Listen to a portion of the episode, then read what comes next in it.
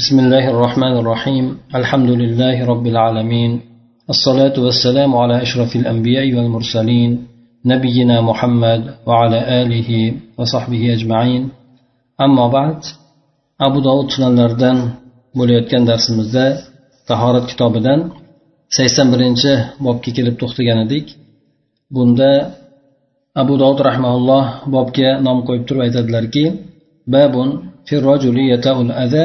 birijlihi ya'ni oyog'i bilan bir ozor bo'lgan narsani ya'ni najosat bo'lgan narsani bosib oladigan odam to'g'risidagi kelgan bob deydi bu hadisga alboniy rahmaulloh sahih deb ishora bergan ekan abu dovud rahmaulloh rivoyat qilib aytadilarki قال حدثنا هند بن سري وإبراهيم بن أبي معاوية عن أبي معاوية حي يعني تحويل كيان باشك رواية يوريجا وحدثنا عثمان بن أبي شيبة أخبرنا قال أخبرنا شريك وجرير وابن إدريس عن الأعمش عن شقيق قال قال عبد الله كنا لا نتوضأ من موطئه ولا نكف شعرا ولا ثوبا ko'proq abdulloh deb o'zi keladigan bo'lsa bu bilan abdulloh masudni iroda qilinadi u kishi aytadilarki biz bosib olgan narsalarimizdan ya'ni oyog'imiz bilan bosib olishlikdan tahorat qilmas edik. Hamda namoz o'qiyotgan paytimizda sochlarimizni hamda kiyimlarimizni tuproqdan himoya qilmasdik degan mazmunda ekan. Ya'ni yerni o'ziga sajda qilaverardik peshonamiz ham yerga tegar edi kiyimlarimiz ham yerga tegar edi degan mazmunda aytib o'tgan ekan. Ho'p bu yerda demak yo'l yurib bosib keladigan bo'lsa o'sha yo'lda bironta bir ozorni e, bosib oladigan bo'lsa e, boshqa hadislarda keladi. Agar inson o'sha yo'lda davom etadigan bo'lsa yer uni poklab yuborishligini aytib o'tilgan. Agar mabodo yer poklamaydigan darajada bo'ladigan bo'lsa unda albatta buni yuvish kerak bo'ladi. Lekin bu kishini bu yerda biz tahorat olmaslik deganligi bu narsa oyog'iga najosat tegadigan bo'lsa o'sha yoki kiyimiga yoki peshonasiga tegadigan bo'lsa buni yuvmasligini ifoda qilmaydi. Balki e, najosat bo'lgan narsani bosishlik tahoratni ketkazmaydi e, mana shu narsalarda bosib olinganligi najosat ustimizga tegib qolganligidan tahoratimiz ketib qolmaydi degan mazmunda aytib o'tganlar. Shuningdek avvalda o'sha yerni o'ziga sajda qilishgan chunki unda na gilon bo'lsin na boshqa joy namozlar avvalgi davrlarda bo'lmagan qiyin musulmonlarni o'zini ustiga ham kiyimlari qiyin bo'lgan holatlarda bular o'sha yerni o'ziga sajda qilishgan. Shunda biz o'sha yerni o'zidan sochni ham kiyimni ham himoya qilmaslik o'sha tuproq bo'lib qolishligidan chang yoki yerdagi bo'lgan narsa tegib qolishligidan deb aytgan ekan. Undan keyingi bobda aytadiki sakson ikkinchi bobda ekan babu fiman yuhdisu fis solati hop ya'ni namozda turib namozni ichida tahorat ketib qolgan odam borasidagi bob ekan bu hadisga alboy rahmaulloh zaif deb ishora qilgan ekan buni abu dovud rahmaulloh ali ibn talq roziyallohu anhudan rivoyat qilgan ekan u kishi aytadilarki rasululloh sollallohu alayhi vasallam aytdilar agar إذا فسى أحدكم في الصلاة فلينصرف وليتوضأ وليعيد الصلاة ya'ni agar sizlarni bittalaringiz namozni ichida yel chiqarib qo'yadigan bo'lsa falyansarif ya'ni burilsinda namozdan chiqsinda falyatavallo tahorat olsin hamda namozini qaytadan o'qisin deb aytiladi. Demak insonni agar namozni ichida tahorat ketib qoladigan bo'lsa bu odam tahorati ketgandan keyin agar tahorat qilib kelishlikka imkoniyati bo'ladigan bo'lsa unda namozdan chiqadida to'g'ri tahorat olib yana qaytib kelib agar imom davom etayotgan bo'lsa imom bilan birga o'qiyotgan bo'lsa imomga yana iqtido qiladi boshqatdan. Agar e, o'zi yakka o'qiydigan bo'lsa bu hadisda aytilganidek yolg'iz suratda o'zi namozni ustiga bino qilib emas balki qaytadan o'qiydi. Agar namozga namozni ichidan jamoatni ichidan chiqib tahorat qilib kelishlikka tahorat ketib qolsayu lekin tahorat qilib kelishlik imkoniyati qiyinroq bo'ladigan bo'lsa ya'ni avvalgi saflarda bo'lib to chiqib tahorat qilib kelgunigacha birinchidan jamoat tugashligi ikkinchidan juda ko'pchilikni orasidan o'tishlik harajga qo'yishligi bo'ladigan bo'lsa unda tahorat ketgan odam indamasdan o'zini o'rnidan namozxonlar bilan namozini birga davom ettirmagan holatda o'zini o'rniga o'tirib olib salom berishligini imomni tugatishligini kutadi xolos endi. Ba'zi mazhablarda mana biz hanafiy mazhabida ham aytiladi agar inson tahorat ketib qolsayu lekin e, o'sha qibladan burilmagan holatda gapirmagan holatda tahorat qilib kelishlik o'sha yerda imkoniyati bo'ladigan bo'lsa tahorat qilib namozini ustiga bino qilishligi ham bo'laveradi deb aytishgan. E, bu meni bilishim. Lekin e, bu yerda ko'pchilik olimlarda o'sha namozni ustiga bino qilishlik emas balki namozni qaytadan o'qishlikni ular aytib o'tishadi. Endi namozni ichida tahorat ketgan bo'lsayu davom ettirishlik borasida bu narsa harom hisoblanadi. Hattoki hanafiy mazhabidagi olimlar juda qattiq darajada aytishgan. Inson e, ba'zilari shu qattiq darajada tashdid qilib aytganki hattoki dindan chiqib ketish qolishligi ham mumkin degan gapni aytib o'tgan. Ya'ni tahorati ketib qolgan o'rinda ham bilib turib namozni davom ettiraverishligi bu insonni dindan chiqishligiga sabab bo'ladi deb qattiq gaplarni ham ba'zilari aytib o'tgan. Lekin nima bo'lganda ham unday tahorati ketgan bo'lsa bilib turib davom ettirishligi bu qattiq harom bo'ladi. Undan keyingi bobda sakson uchinchi bob babun fil mazi ya'ni mazi borasidagi bo'lgan bob. Mazini bilasizlar ya'ni insondan erkak kishidan chiqadigan narsa mani bo'ladi. Mazi bo'ladi hamda vadiy bo'ladi. Mani ma'lum bu to'lib toshib chiqadigan otilib chiqadigan suyuqlik. Mazi bo'lsa bu oq suyuqlik lekin suyuqroq bo'ladi hamda e, bu otilib chiqmaydi bu to'g'ri oddiy oqib chiqadi. Ya'ni bu ko'proq e, oilada ya'ni er xotin o'rtasidagi bo'lgan jimodan boshqa bo'lgan holatlarda e, ko'proq mazi bo'ladi. Uchinchisi vadiy holati bo'ladigan bo'lsa badiy holati bu kasallikdan ya'ni shamollashlikdan ko'proq kelib chiqadi. Bu narsani sababi ya'ni bu narsani bo'lishligi hop kelgandan keyin bavul kelgandan keyin uni ortidan oppoq xuddi maniga o'xshagan suvni kelishligiyu lekin u hech qanaqangi shahvat bilan hech qanaqangi bir toshqinlik bilan emas balki oddiy odatiy chiqishlikda chiqadi. Lekin bu ham rangi manina rangiga o'xshab ketadi. Lekin buni vadiy deb aytiladi. Vadiyda endi faqatgina tahorat ketadi xolos chunki zotan o'zi bovul chiqqandan keyin o'zi tahorat ham ketadi. Mazi mani borasida esa ma'lum mana u narsa keladi ham g'usul vojib bo'ladi unda. E, mazi borasida esa mana bu boblarda nima qilinishlik to'g'risida e, aytib o'tiladi. Birinchi hadisni ya'ni bu kitobdagi ikki yuz oltinchi hadis ekan. Albon rahmaulloh sahiy deb keltiradi.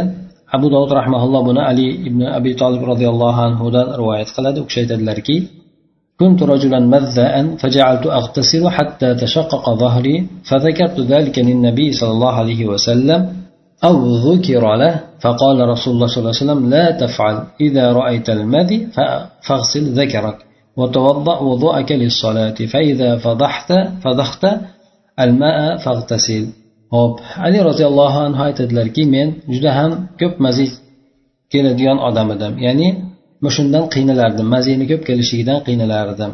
Hmm, ya'ni e, bu yerda ayoli bilan ko'p bo'lganligidan o'sha mazi ham ko'p kelardi ekan. O'shandan qiynalardimda keyin yuvina yuvinaverardim hattoki orqalarim haligi sovuq bo'lib e, suv shamol tegib shu yuvinishlikdan hattoki orqa tomonlarim yorilib ham ketdi deydi. Mana shu narsani keyin payg'ambar sallallohu alayhi vasallamga aytdim deydi. Ba'zi rivoyatlarda u kishiga aytildi. Payg'ambar alayhisalomga bu, bu to'g'risida so'raldi ya'ni aytildi. Shunda rasululloh alayhi aytdilarki la tafal unday qilmagin dedi so'rovchiga. Unday qilmagin dedi ya'ni unga yuvinib yotmagin. Agar sen mazini ko'radigan bo'lsang unda o'sha zakariyni avratingni o'zini yuvib qo'ygin. Hamda namoz uchun bo'lgan tahoratdaqa tahorat olib olgin. Chunki tahoratni ketkazadi bu narsani chiqishligi ham. Agar manin e, suv suvni chiqaradigan bo'lsang ya'ni mani suv chiqaradigan bo'lsang unda yuvinib olgin dedi. Demak bu yerda hadisda mazi keladigan bo'lsa tahoratni ketkazadi xolos. Bunda inson o'sha mani tekkan e, avratini yuvib oladi xolos. E, nima bo'lsa agar mani chiqadigan bo'lsa unda unga yuvinishlik vojib bo'ladi.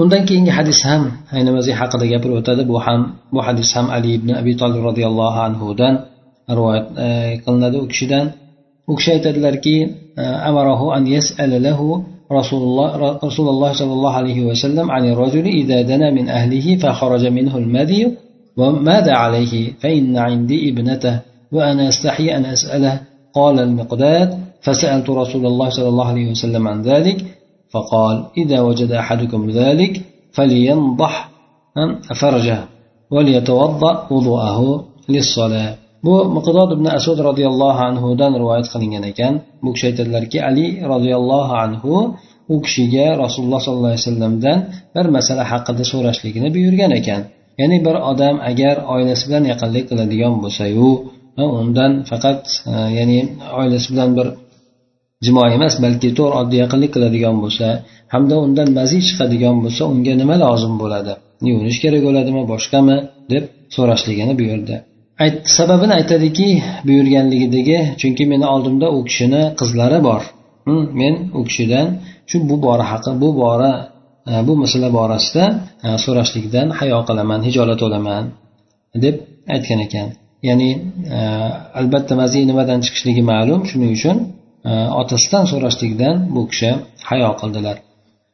Shunda miqdod roziyallohu anhu aytadilarki men rasululloh sollallohu alayhi vasallamdan bu haqida so'ragan edim.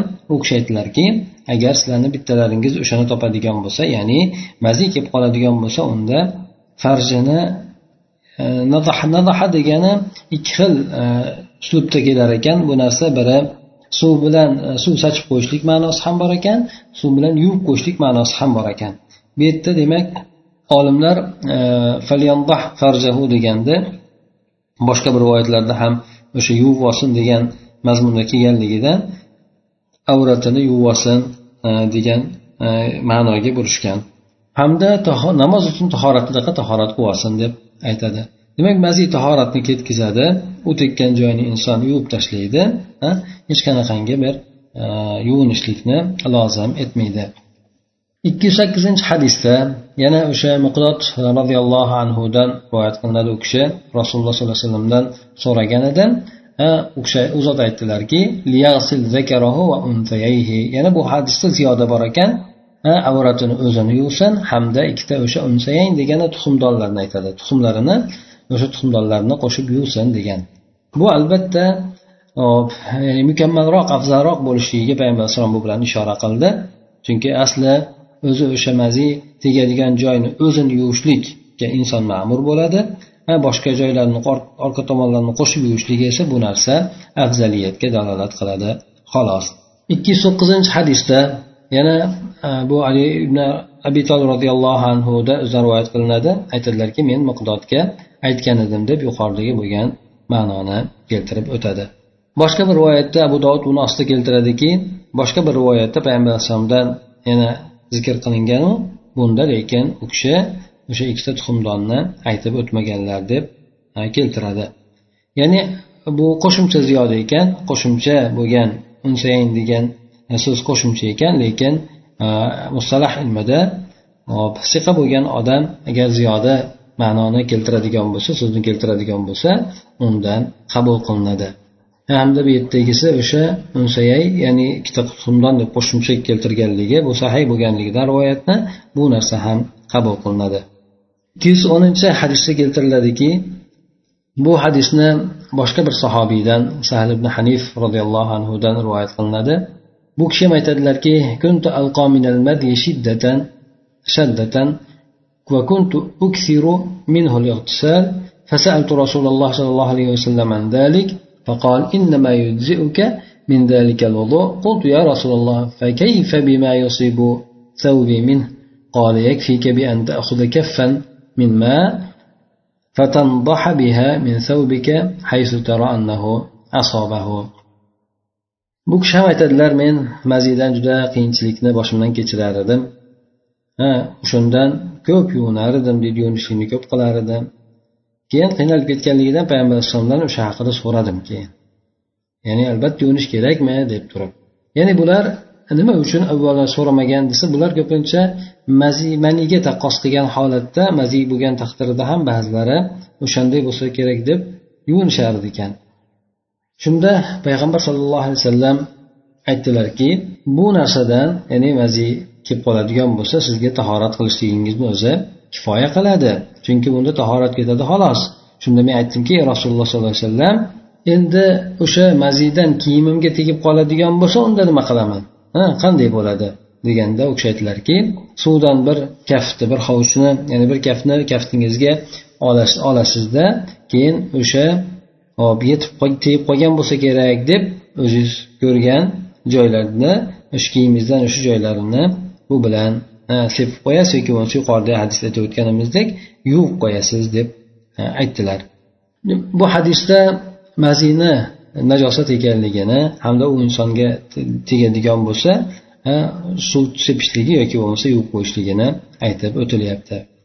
Undan keyingi hadisda mana shu haqida kelyapti. Bu hadisni hop abdulloh ibn sad al ansoriy roziyallohu anhudan rivoyat qilinadi. Bu kishi aytadilarki سألت رسول الله صلى الله عليه وسلم عما يوجب الغسل وعن الماء يكون بعد الماء فقال ذلك المذي وكل فحل يمذي فتغسل من ذلك فرجك وأنثيك وتوضأ وضوءك للصلاة. رسول الله صلى الله عليه وسلم دان g'usulni vojib qiladigan narsa haqida so'radim. Ya'ni nima narsa bo'lsa inson yuvinishligi albatta vojib bo'lib qoladi. Hamda suvdan keyingi bo'ladigan suv haqida so'radim. Ya'ni bu suvdan keyingi bo'ladigan suv degan e, bu so'zga ba'zi olimlar boshqacha ma'nolarni ham berib o'tishgan lekin ko'pchilik olimlar aytishganki mazina ketma ket bo'lishligi ya'ni bir mazi chiqib to'xtagandan keyin qaytadan mazi kelishligi. Mana shu haqida ham so'radim deb. Ba'zilar esa mazida mani kelishligini mani kelishligi haqida ham degan ma'noni aytishgan lekin aytib o'tganimizdek ko'pchiligi hop o'sha maziydan keyin yana qaytadan maziy kelishligi to'g'risida so'ragan ekan. Bunda payg'ambar alayhisalom aytdilarki bu o'sha u bo'lgan narsa maziydir dedi. Har bir erkak o'zi asli maziy ko'radi. Hm? Ya'ni maziy chiqaradi o'zi.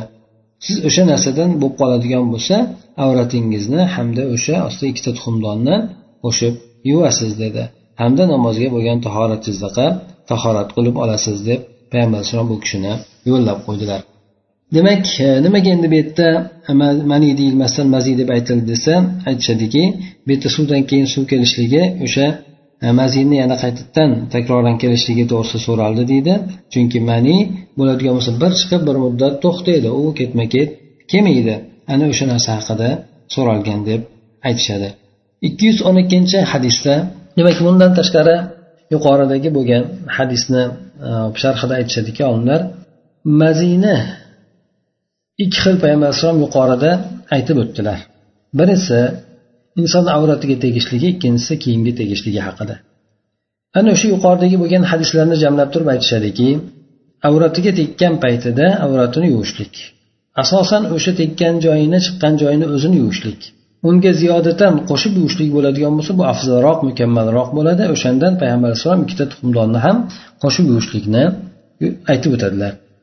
Endi kiyimga tegadigan bo'lsa kiyimga tegadigan bo'lsa bu yerda mana e, ba'zan yuvishligi ba'zan esa suv sepib qo'yishligini aytib o'tiladi.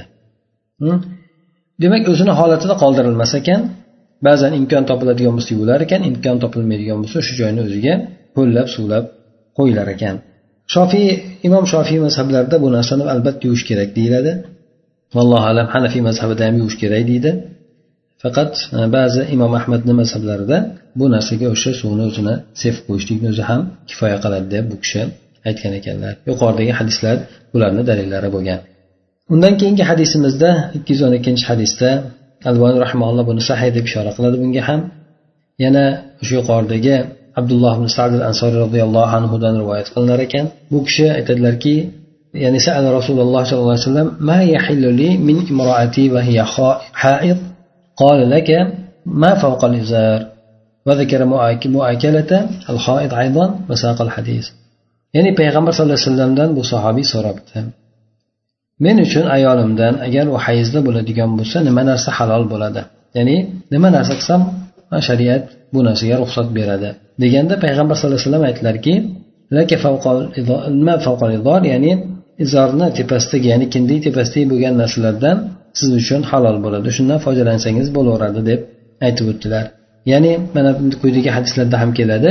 Hayzda bo'lgan ayol bilan aloqa jinsiy aloqa qilishlik harom hisoblanadi. O'shanga olib boruvchi bo'lgan yo'llarni ham sabab bo'lib qolmasligi uchun to'silgan ana o'shandan bu sahobiy payg'ambar alayhissalomdan nima narsa halol bo'lishligi e, borasida so'rab bilib olishlikka e, xohladi. Hamda payg'ambar alayhissalom u kishiga shunday deb yuqoridagi ko'rsatmani aytib o'tdilar. Yana undan tashqari hayzdagi bo'lgan ayol bilan birga o'tirib ovqatlanishlik borasida so'radi. Hmm, albatta bu narsa e, bizda bizni shariatimizda bu narsa ruxsat berilgan.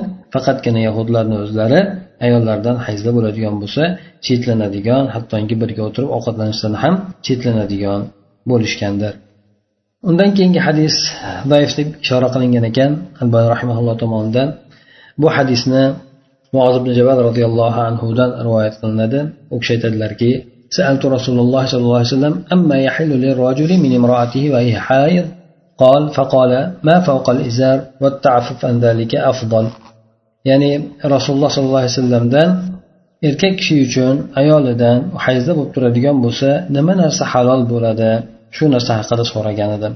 U kishi aytdilarki o'sha izordan shalvar lozimidan tepasi tegi bo'lgan narsa ya'ni kindigidan tepasidagi bo'lgan narsalardan istifoda qilishlik mumkin bo'laveradi. Lekin o'sha narsadan ham tiyilishlik afzalroqdir deb keltiriladi. Bu abu dovud rahmaulloh bu hadisga ishora qilib aytadilarki bu hadis unaqa darajadagi kuchli rivoyat emasdir deb keltiradi. Sababi payg'ambar sallallohu alayhi vasallam rivoyatlarda keladi hop o'zlari mana oysha onamiz bilan agar aytadilar bir ayollaridan birisi hayzda bo'ladigan bo'lsa shu izorni mahkam bog'lashlikka buyurardi keyin mubosharat qilardilar deb aytib o'tadi. Bunga o'xshagan rivoyatlar ko'p kelgan. Payg'ambar alayhissalom demak bu narsadan tiyilmagan o'zlari shuning uchun bu yerda u narsadan tiyilishlik afzal bo'ladi degan e, rivoyat ham bu borada zaif deb aytishgan. Lekin ba'zi olimlar aytishadiki imom suyutiy rahmaullohga o'xshagan ehtimol bu yerda payg'ambar alayhissalomdan so'ragan odamni holatidan payg'ambar sallallohu alayhi vasallam o'shani deb aytgandir. Ha o'shandan tiyilishiga ham yaxshiroq deb. Ya'ni u odam o'sha narsadan o'zini tutolmasligini bilgan bo'lsa kerakki payg'ambar alayhissalom bunda u odamga o'ziga xos bo'lgan suratda o'sha narsadan ham ya'ni e, hayzda bo'lib turgan paytida kindigidan tepasidan ham foydalanishlikni tark qilishlik e, siz uchun sizga o'xshagan odamlar uchun afzalroq degan mazmunda aytgan bo'lishligi ham mumkin deb aytishadi. Lekin umumiy suratda aytib o'tadigan bo'lsak payg'ambar alayhissalom o'zlarini qilgan ishlari bu narsa ko'proq afzaliyatga dalolat qiladi. Bu kishi hech qachon afzal bo'lgan narsani tashlab bundan boshqa narsaga doimiy qilmaganlar. Demak oysha onamizni keltirib o'tgan hadislari payg'ambar alayhissalom o'sha izorni lozimlarni tepasidan ulardan mubosharat qilib foydalanganligini rivoyatini keltirib o'tadi. سبحانك اللهم وبحمدك نشهد أن لا إله إلا أنت نستغفرك ونتوب إليك. اللهم انفعنا بما علمتنا وعلمنا ما ينفعنا وزدنا علما.